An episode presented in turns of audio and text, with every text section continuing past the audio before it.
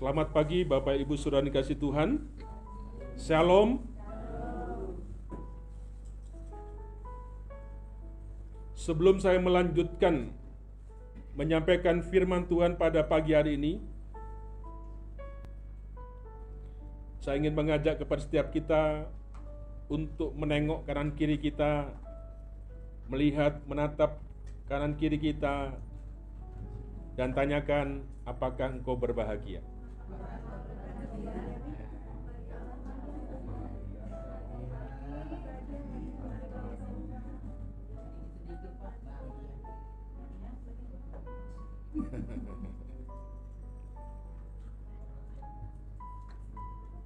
Minggu yang lalu saya berbicara tentang kebahagiaan sejati. Dan menjadi doa saya, saya rindu seluruh jemaat dan anak-anak Tuhan baik di tempat ini maupun di mana saja berada, kita menjadi orang-orang yang berbahagia. Amin. Hari ini saya memberikan sebuah tema membangun hidup bersama supaya sama-sama hidup. Ya. Membangun hidup bersama supaya sama-sama hidup.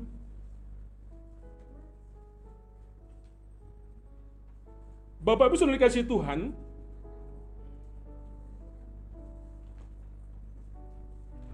harus kita akui dengan jujur menyesuaikan diri dengan beraneka ragam watak dan kemauan orang itu bukanlah perkara yang mudah. Bukanlah perkara yang gampang. Setuju? Jadi kita menyesuaikan diri kita dengan beragam dengan beraneka ragam watak dan kemauan orang itu bukan sesuatu bukanlah bukanlah sesuatu yang mudah. Ya. Bukan perkara yang gampang. Tetapi Bapak Ibu Saudara, walaupun itu sulit atau gampang, menjadi Kristen tidak bisa tidak. Berarti harus hidup dalam sebuah persekutuan. Ya atau harus hidup dengan orang lain. Sulit atau tidak, bagi orang Kristen, kita harus hidup dalam sebuah persekutuan atau harus hidup dengan orang lain.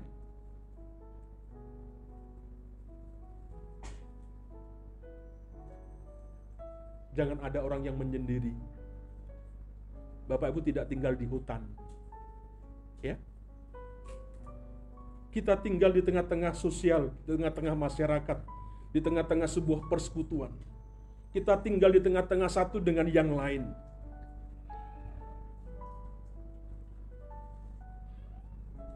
Seorang filsuf katakan Aristoteles dia berkata seperti ini. Ya. Manusia adalah zon plitikon. Ya. Han Kelsen menjelaskan bahwa manusia adalah makhluk sosial yang dikodratkan hidup dalam sebuah kebersamaan. Ya. Dan dalam sebuah masyarakat. Ya. Jadi, jangan sampai kita ada orang Kristen yang mengasingkan diri, ya, yang menjauhkan diri, yang tidak mau bersosialisasi. Walaupun di tengah-tengah komunitas di tengah-tengah persekutuan yang tadi beragam, beraneka watak, kemauan yang berbeda-beda.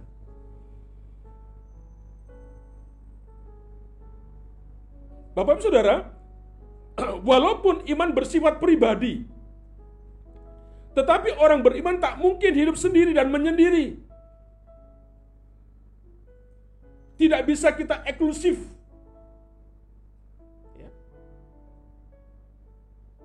ketika setiap orang menyerahkan diri kepada Kristus, maka seketika itu pun ia terikat dengan saudara-saudara seiman yang berbeda watak, yang berbeda kemauan, yang berbeda selera, yang berbeda karakter, termasuk orang-orang yang tidak kita sukai, orang-orang yang tidak kenal, atau orang-orang yang berbeda dengan kita. Siapa pun kita, ya, ketika kita menyerahkan diri kepada Kristus, maka kita terikat dengan saudara-saudara seiman kita yang berbeda. Beda apa? Karakternya, sifatnya, kemauannya, ya, seleranya. Termasuk orang-orang yang mungkin tidak kita sukai. Halo? Ada di sini orang-orang yang tidak kita sukai? Pak Pendeta, maafkan saya, saya nggak pergi gereja. Saya kalau ada sedia Pak Pendeta, saya nek mual, mau muntah. Terus bagaimana caranya? Kalau bisa Pak Pendeta, orang itu keluarkan dari GKN. Itu bukan cerita, itu fakta.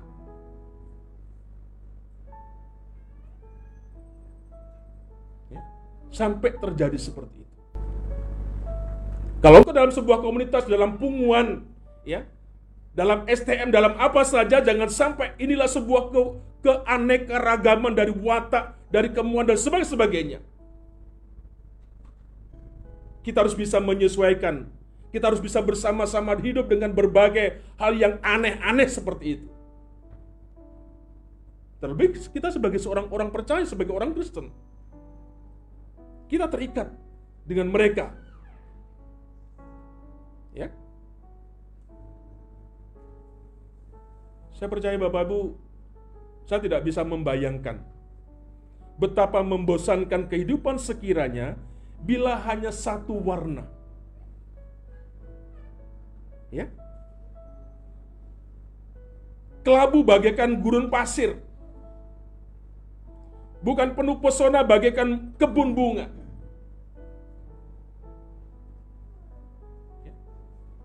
Keragaman itu luar biasa. Bukan menjadi sebuah persoalan, bukan menjadi masalah sebenarnya. Itulah sebuah keindahan. Bapak Ibu sudah dikasih Tuhan, bagaimana seharusnya kita hidup dalam kebersamaan dengan orang lain dalam membangun sebuah persekutuan?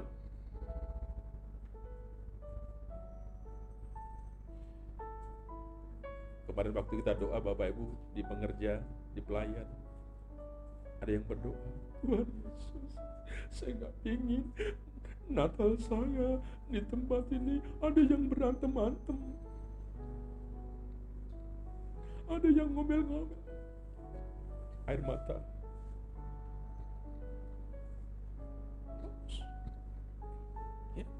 Bagaimana seharusnya kita hidup dalam sebuah kebersamaan dengan orang lain dalam membangun sebuah persekutuan? Ada beberapa prinsip yang ingin saya sampaikan kepada setiap kita. Yang pertama adalah kita prinsip yang pertama kita mempunyai pengakuan yang tulus bahwa hidup adalah dalam sebuah persekutuan. Tidak memakai topeng. Ya. Persekutuan kita yang kita bangun ya harus dengan pengakuan yang tulus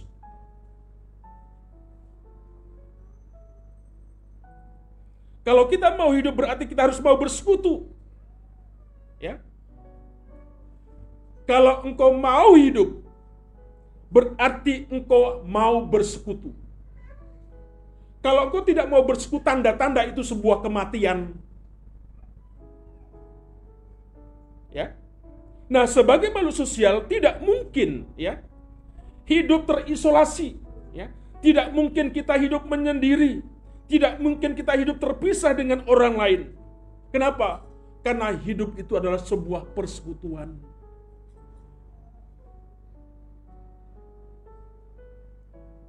Mumpung kita masih hidup, mari kita bersekutu sebelum kita bersama-sama nanti kita akan di, dikucilkan, disendirikan di sumur kondang.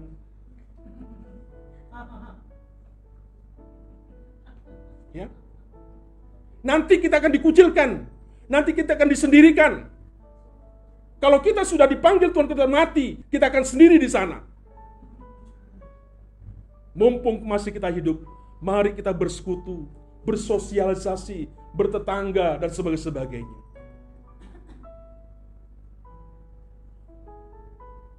Saya berkata kemarin di apa di apa di plan kepada Opung. Ada pemikiran di Pak Pendeta.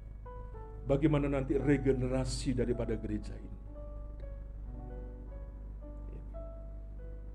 Saya senang dengan Yusak. Saya lihat saya diberikan jadwal tentang anak muda.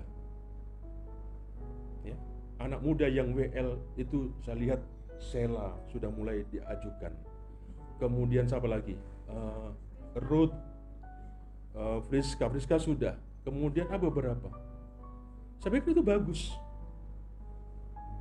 Tapi ada catatan yang saya katakan. Tidak cukup menyetorkan nama saya minta mereka-mereka yang melayani Tuhan juga diarahkan dibina. Ya. Sehingga mimbar tempat kita pelayanan itu bukan tempat kita show entertainment. Kita punya hati, kita punya sebuah kehambaan yang saya tanamkan seperti itu. Kalau orang melayani Tuhan, dia hanya show entertainment. Sorry bagi Bapak. Lebih baik duduk di tempat saja belajar setiap minggu datang, setiap ada cara datang Baru kalau kau sudah tahap itu, aku ajak untuk melayani seperti itu. Regenerasi betul dipikirkan. Mari Bapak Ibu, mungkin hari ini, mungkin mungkin apa namanya kurun sekarang ini, mungkin bagus. Tapi bagaimana nanti ke depannya seperti itu?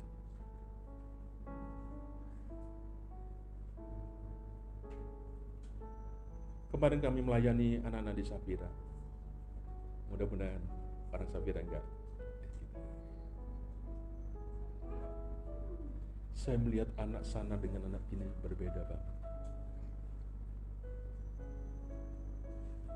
Ya. Saya bilang, saya pikir tidak cukup hanya melayani. Hanya, hanya, hanya, hanya, hanya, hanya, hanya cukup. Air mata harus doa, di sana. Hari ini KB-nya dengan sendirinya mulai bubar. Anak sekolah minggu itu berantem, dia ngomong, ah! Saya bertanya Tuhan, kenapa seperti itu? Di sini 35 kalau kita bilang diam ya.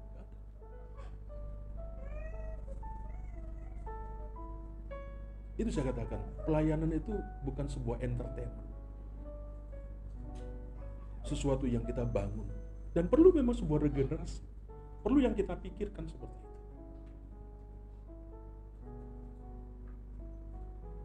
Jadi mari bagaimana kita membangun sebuah hidup dalam sebuah kebersamaan dengan orang lain dalam dalam membangun persekutuan ya. Harus punya pengakuan yang tulus hidup dalam sebuah persekutuan ya. yang kedua Prinsip yang yang kedua, ya, bagaimana seharusnya kita hidup dalam dalam kebersamaan dengan orang lain dalam membangun persekutuan. Yang kedua, yang kedua memiliki kedewasaan diri untuk menerima. Ya. Memiliki kedewasaan diri untuk menerima orang lain. Mau hidup berarti ya harus mau menerima perbedaan. Ya. Berbeda itu mengaksikan Berbeda itu berseri dan indah. Namun membeda-bedakan itu menggelisahkan. Ya. Membeda-bedakan itu menjadi kering dan layu. Harus memiliki sebuah kedewasaan diri untuk saling menerima. Ya. Itu caranya membangun sebuah kebersamaan dengan orang lain dalam sebuah komunitas.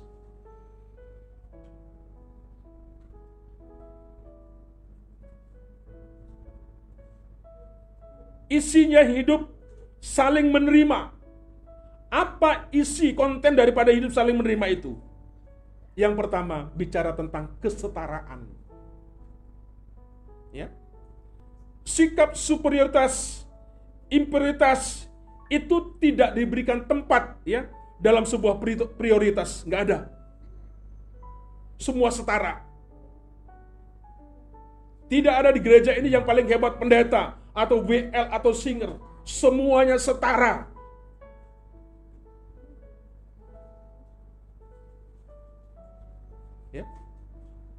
Itu hidup yang harus kita bangun saling menerima tadi. Yang kedua, apa itu? Memahami. Ya. Mampu menerima kelemahan dan kelebihan orang lain.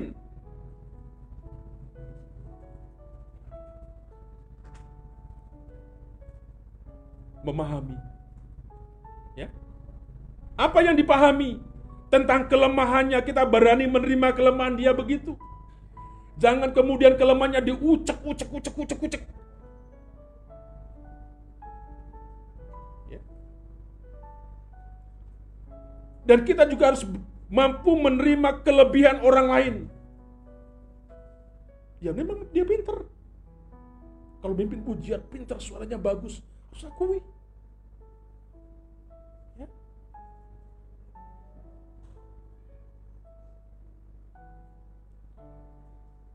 Jangan sampai singkap menghakimi dan melihat diri paling benar itu adalah virus yang mematikan dalam sebuah persekutuan. Dalam sebuah kebersamaan yang kita bangun itu akan mati ya.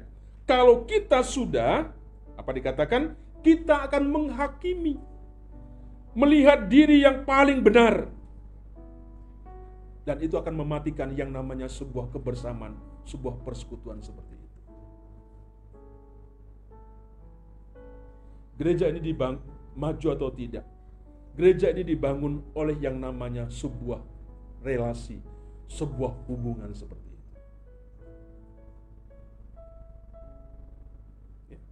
Mari saya ingin mengajak kepada setiap kita bicara tentang kedewasaan diri untuk menerima.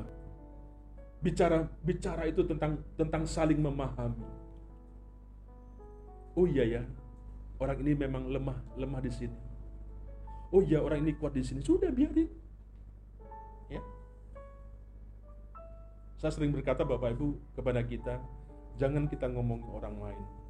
Kalau dirimu masih jelek. Ya kan? Kalau dirimu tidak baik jangan ngomongi orang lain. Malu. Tapi kalau sudah dirimu baik ya boleh kira-kira kamu ngomong orang lain kira-kira begitu. Tapi rasanya tidak kita pasti banyak kelemahan, kita banyak banyak kekurangan, kita banyak kejelekan dalam kehidupan kita. Dan jangan kita menghakimi mereka. Jangan melihat diri yang paling benar seperti itu. Itu adalah satu virus yang mematikan dalam sebuah kebersamaan, dalam sebuah persekutuan. Yang terakhir, yang terakhir apa? Isi daripada saling menerima itu, yaitu adalah pengampunan, memaafkan. Ya. Kemuliaan dari hidup adalah sebuah pengampunan yang selalu mengalir. Tidak tindakan inilah yang dilakukan Kristus sehingga manusia memperoleh hidup dalam kehidupan.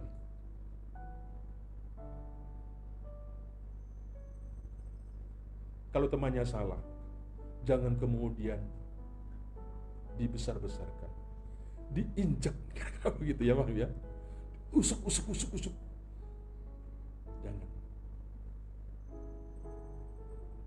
Kita kita gampang untuk memaafkan. Hari ini Pak Pendeta bicara tentang satu bagian firman Tuhan dalam Roma 14 ayat 1 sampai 12. Boleh saya ada terjemahan dalam bahasa sehari-hari? Ya. Bapak perhatikan di layar saja ya. Saya ingin membaca dalam bahasa sehari-hari. Bisa ditampilkan dalam bahasa sehari-hari? Silakan Roma 14 ayat 1 sampai 12. Ya. Ini bahasa sehari-hari agak agak agak mudah nyaman didengar apa uh, dipahami seperti itu ya.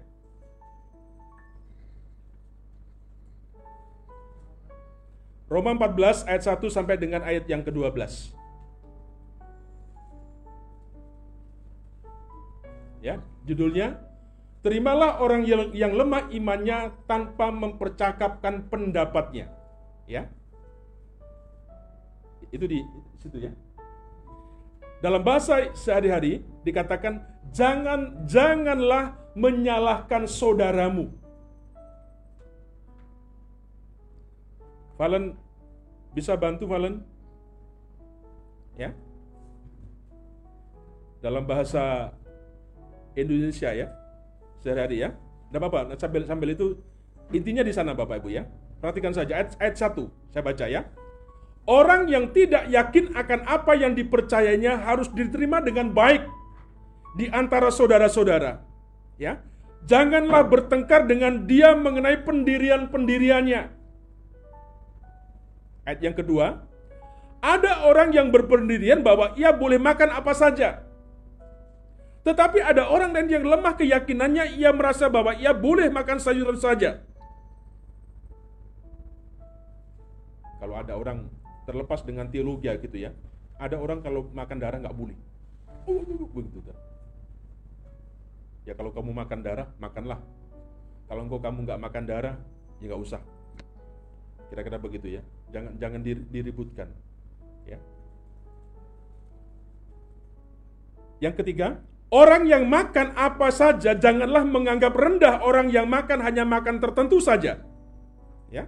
Dan orang yang makan hanya makanan tertentu saja, janganlah pula menyalahkan orang yang makan segala-galanya, sebab Allah sudah menerima dia. Ayat yang keempat, siapakah saudara sehingga saudara harus mengadili hamba orang lain? Entah hamba itu jatuh atau bangun, itu adalah urusan tuannya. Ya, dan memang hamba itu akan berdiri tegak karena Tuhan sanggup membuatnya berdiri tegak.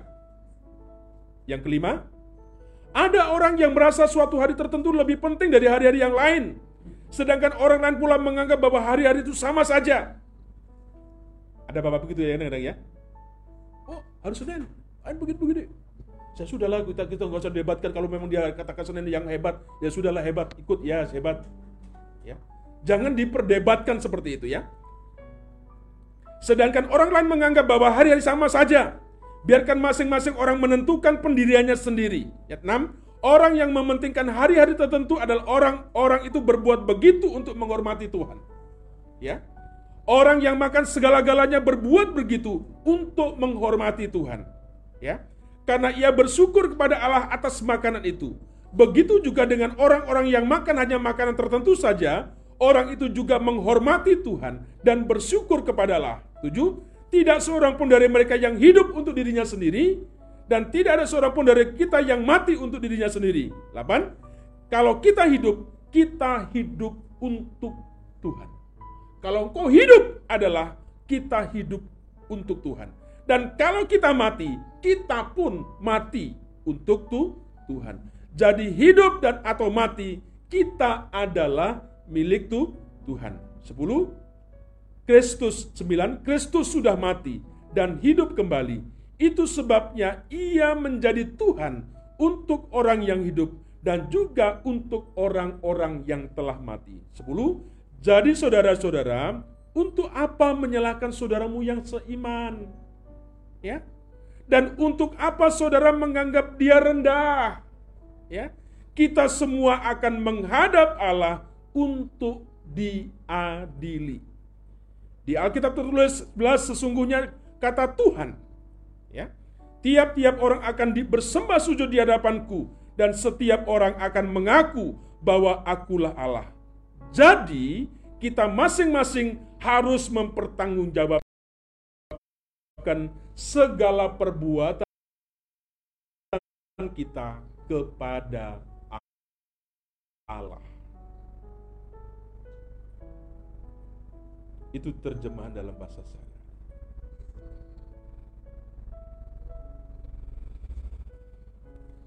Apa yang saya rindu untuk setiap kita? Mari kita membangun hidup bersama supaya kita ini sama-sama hidup. Nah, Paulus dalam apa yang kita baca meminta kepada kita untuk meneladani Yesus ya dalam hal lebih memperhatikan ya sesama dibandingkan memperhatikan diri sendiri ya permintaan Paulus ini ber, berkenaan dengan kewajiban kita sebagai orang yang dianggap kuat. Dalam bagian ini bicara antara orang yang kuat dan orang yang lemah. Ya.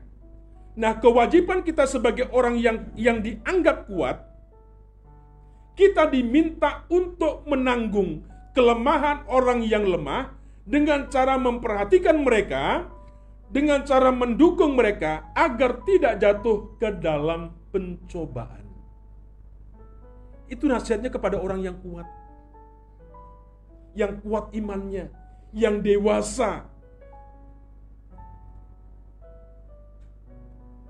Jangan bolak-balik, terbolak-balik begitu. Katanya dia, katanya dia dewasa, tapi kelakuannya, sikapnya, karakternya seperti orang yang tidak dewasa. Ini kan aneh begitu. Ya. Dibilang kakak, tapi kelakuannya semuanya seperti adik.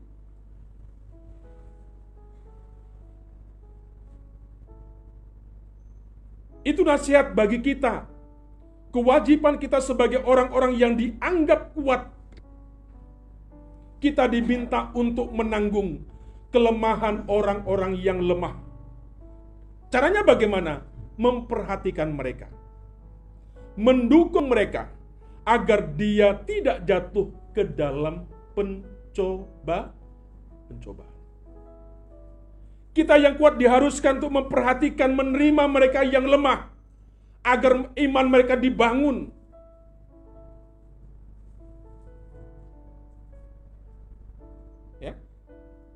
Bapak Ibu Paulus menggunakan istilah kuat dan lemah untuk menggambarkan kehidupan orang apa rohani orang percaya. Nah, istilah kuat di sini menunjuk pada iman orang yang telah dewasa dalam Kristus sehingga perkat terhadap masalah orang lain. Ya. Orang yang kuat, istilah kuat seperti itu menunjuk pada iman orang yang telah dewasa dalam Kristus sehingga dia itu peka terhadap masalah orang lain. Nah, orang yang kuat adalah orang yang memahami kebebasan rohani mereka dalam Kristus dan tidak mau lagi diperbudak dengan hukum Taurat mereka yang kuat adalah mereka yang peka pada hati nurani yang telah diterangi oleh firman Allah. Lebih dari ketaatan mereka akan ritual dan tradisi hukum Taurat. Itu yang dikatakan, yang dimaksudkan oleh Rasul Paulus tentang orang yang kuat. Orang yang dewasa secara rohani.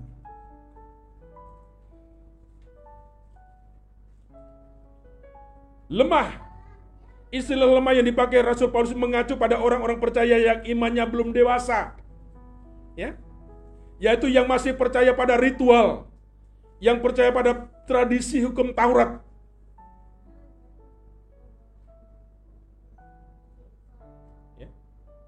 Kalau ada orang yang apa uh, uh, meninggal, biasanya ada ada tujuh hari, ada empat puluh hari. Nah, ada orang-orang yang masih punya punya punya sebuah keyakinan seperti itu. Ya, itu, itu itu contoh. Kemudian ada orang seperti itu. Pak, boleh atau tidak? Nah, ini bicara tentang seperti itu. Ada di gereja, ada di, di apa di yang dibicarakan seperti itu. Nah, kita yang mungkin sudah levelnya jauh daripada seperti itu, tradisi, ya gitu kan ya. Yang yang lemah tadi bicara tentang ritual.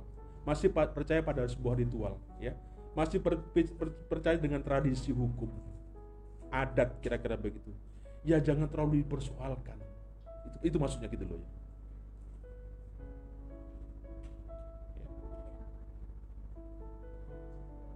Kenapa? Karena mereka merasa berkewajiban untuk mematuhi aturan dan dan tradisi hukum tarot tentang apa yang boleh mereka makan atau apa yang boleh mereka minum dan kapan mereka harus beribadah. Mereka punya kewajiban seperti itu. Nah, mereka yang lemah iman berkeyakinan bahwa orang Kristen yang dewasa rohani menghidupi kekristenannya dengan cara mengikuti aturan ketat dan sering kali menghakimi sesama yang tidak sejalan dengan pandangan mereka. Itu sebenarnya konteksnya. Itu latar belakangnya yang dikatakan dalam Roma tadi seperti itu.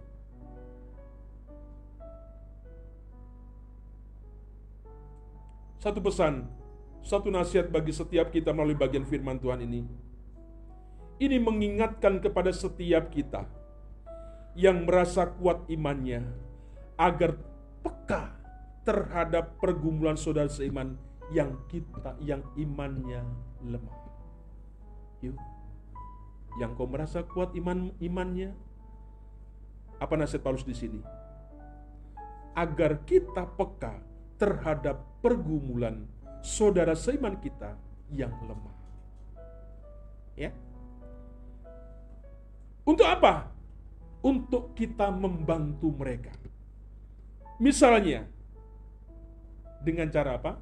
Mendampingi. Ya. Atau mendoakan ketika mereka jatuh. Atau dalam sebuah pencobaan kita mendampingi, kita mendoakan mereka Orang yang kuat harus seperti itu yang dikerjakan. Orang yang kuat harus menjadi sebuah panutan.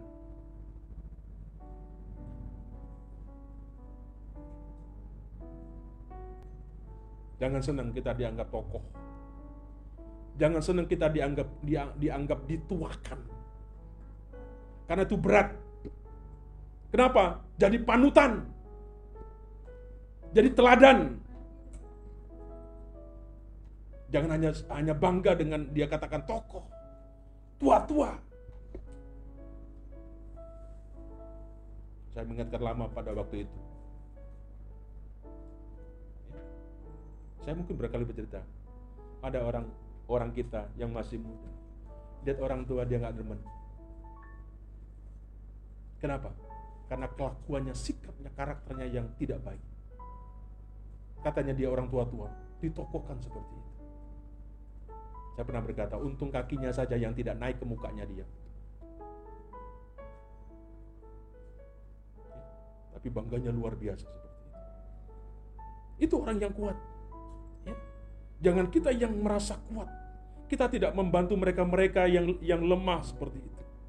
Ada cara untuk mendampingi mereka, untuk mendoakan mereka. Bukan kemudian untuk kemudian mengomongi mereka Doakan mereka, tangisi mereka di hadapan Tuhan. Kuatkan mereka, hiburkan mereka ketika dia mungkin ada dalam sebuah pencobaan, dalam sebuah tantangan yang tidak mudah untuk dia hadapi.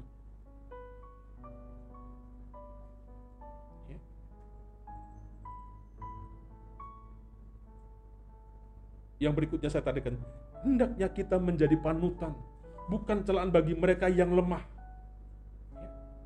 Tentu kita berkerinduan agar orang lemah imannya suatu saat akan menjadi kuat seperti kita. Saya ingin mengajak kepada setiap kita.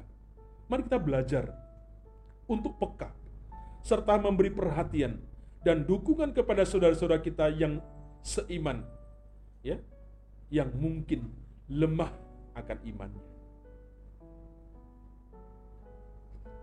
Rasul Paulus dengan dengan tegas dengan lugas menyampaikan sebuah pesan ini. Ya. Apa dikatakan? Bahwa Allah itu tidak diskriminatif. Ya. Allah tidak diskriminatif. Tuhan tidak pernah secara a priori me me mengunggulkan sebuah kelompok atau sebuah ras atau suku tertentu. Itu disebabkan kenapa? Karena karya Yesus Kristus, penebusan Kristus yang dikatakan mati, bangkit, bukan untuk satu orang, bukan untuk satu kelompok, bukan untuk sebuah satu suku, ras, dan sebagainya, tetapi untuk semua orang tanpa dia membeda-bedakan. Apa dikatakan firman Tuhan? Sebab untuk itulah Kristus telah mati dan hidup kembali supaya ia menjadi Tuhan baik atas orang-orang mati maupun atas orang-orang yang hidup.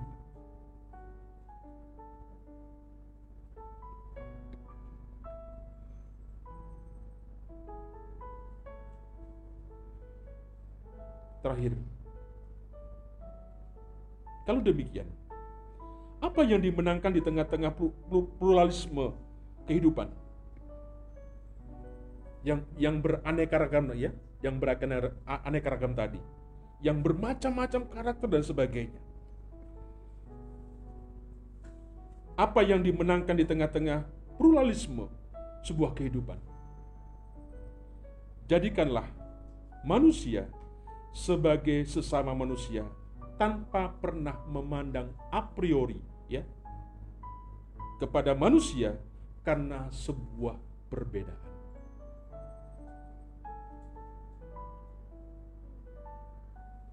Buang rasa dendam kita. Jangan biarkan itu terpelihara dalam kehidupan kita. Dalam hidup kita, dalam hidup. Hancurkan buang bibit-bibit permusuhan. Jangan biarkan menguasai kehidupanmu. Terlalu sayang Bapak Ibu. Hidup ini adalah sebuah kesempatan anugerah. Jangan di, dihiasi, jangan ditinggali dengan virus-virus seperti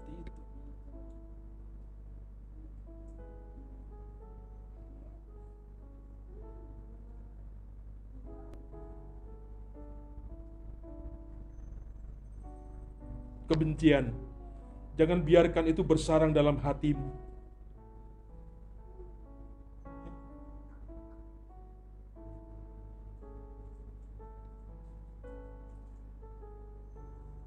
Ingat, tidak ada hidup yang lebih indah daripada hidup yang rela mengampuni. Tidak ada hidup yang paling indah selain hidup itu mengampuni, ya, membantu, mendukung dan menyemangati.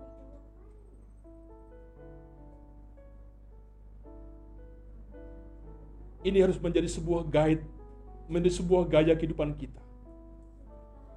Selama kita hidup, kita diberikan kesempatan bagaimana kita bisa membantu, bagaimana kita bisa mendukung, bagaimana kita bisa menyemangati siapa saja orang lain yang ada di sekitar kita. Itu yang harus kita kerjakan. Justru jangan kemudian dibuat oleh kita itu menjadi lemah, menjadi down, menjadi tidak semangat.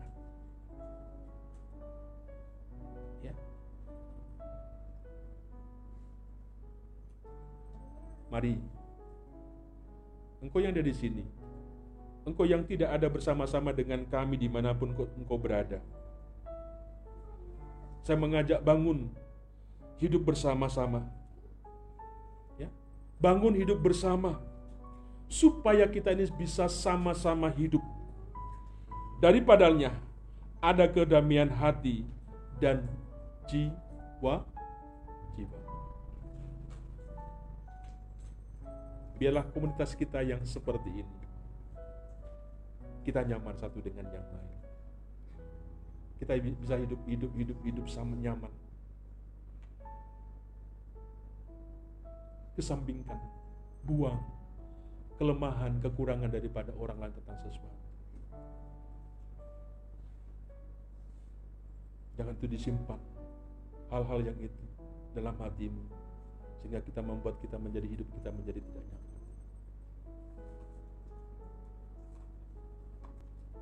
hari Minggu nanti Pak Pendeta ulang tahun. Katanya Magda, aku pingin nanti anak-anak anakku nyanyi di sini. Eh Pak Pendeta request. Kamu nggak ngerti pesannya Pak Pendeta. Oh nanti karena makan-makan. Tidak. Kamu makan-makan bisa di rumah jauh lebih enak daripada Pak Pendeta hari Minggu. Tapi apa yang Bapak Pendeta rindu? Sebuah kebersamaan Jangan nanti Pak Pendeta mati di sini kau nangis. Kumpul semua. Bu Pendeta kalau sudah ngomong begitu Pak Pendeta nggak mau. Pak Pendeta kadang-kadang ngaco. Enggak, aku, enggak, enggak, aku, aku bukan ngomong ngaco tentang mati tidak. Tapi mengingatkan kita sebuah kebersamaan penting. Buang segala hal yang yang kecil-kecil buang. Virus buang.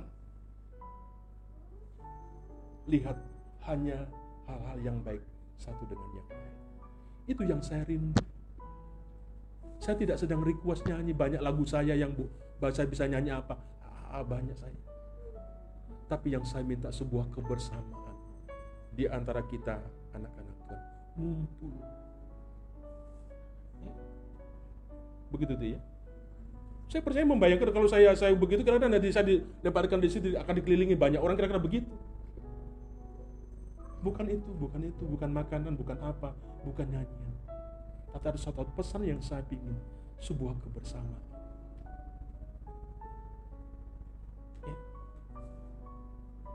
Supaya apa? Kita bisa hidup bersama. Ya, supaya kita sama-sama bisa hi, hi, hidup bisa menikmati akan kehidupan ini. Buang, stop, berhenti. Ya. Jangan ada dalam hati kita sesuatu yang tadi. Semuanya kita sedang berproses, lemah,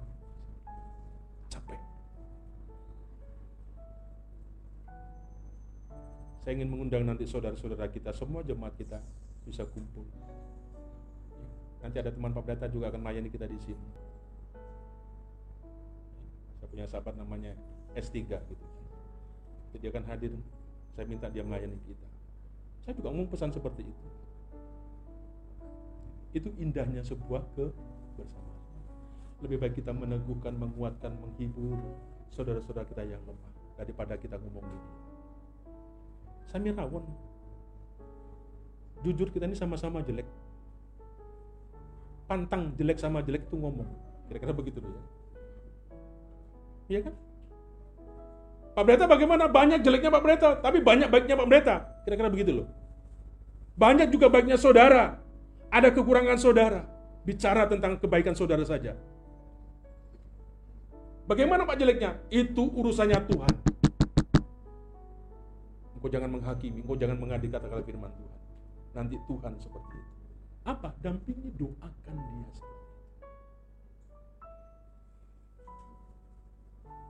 Bapak Pendeta sungguh rindu. Bapak tempat ini, saudara-saudara kita yang di, di, di apa, yang tidak bersama dengan kita di tempat ini, kita rindu hidup seperti itu. Mari kita tunduk kepala, kita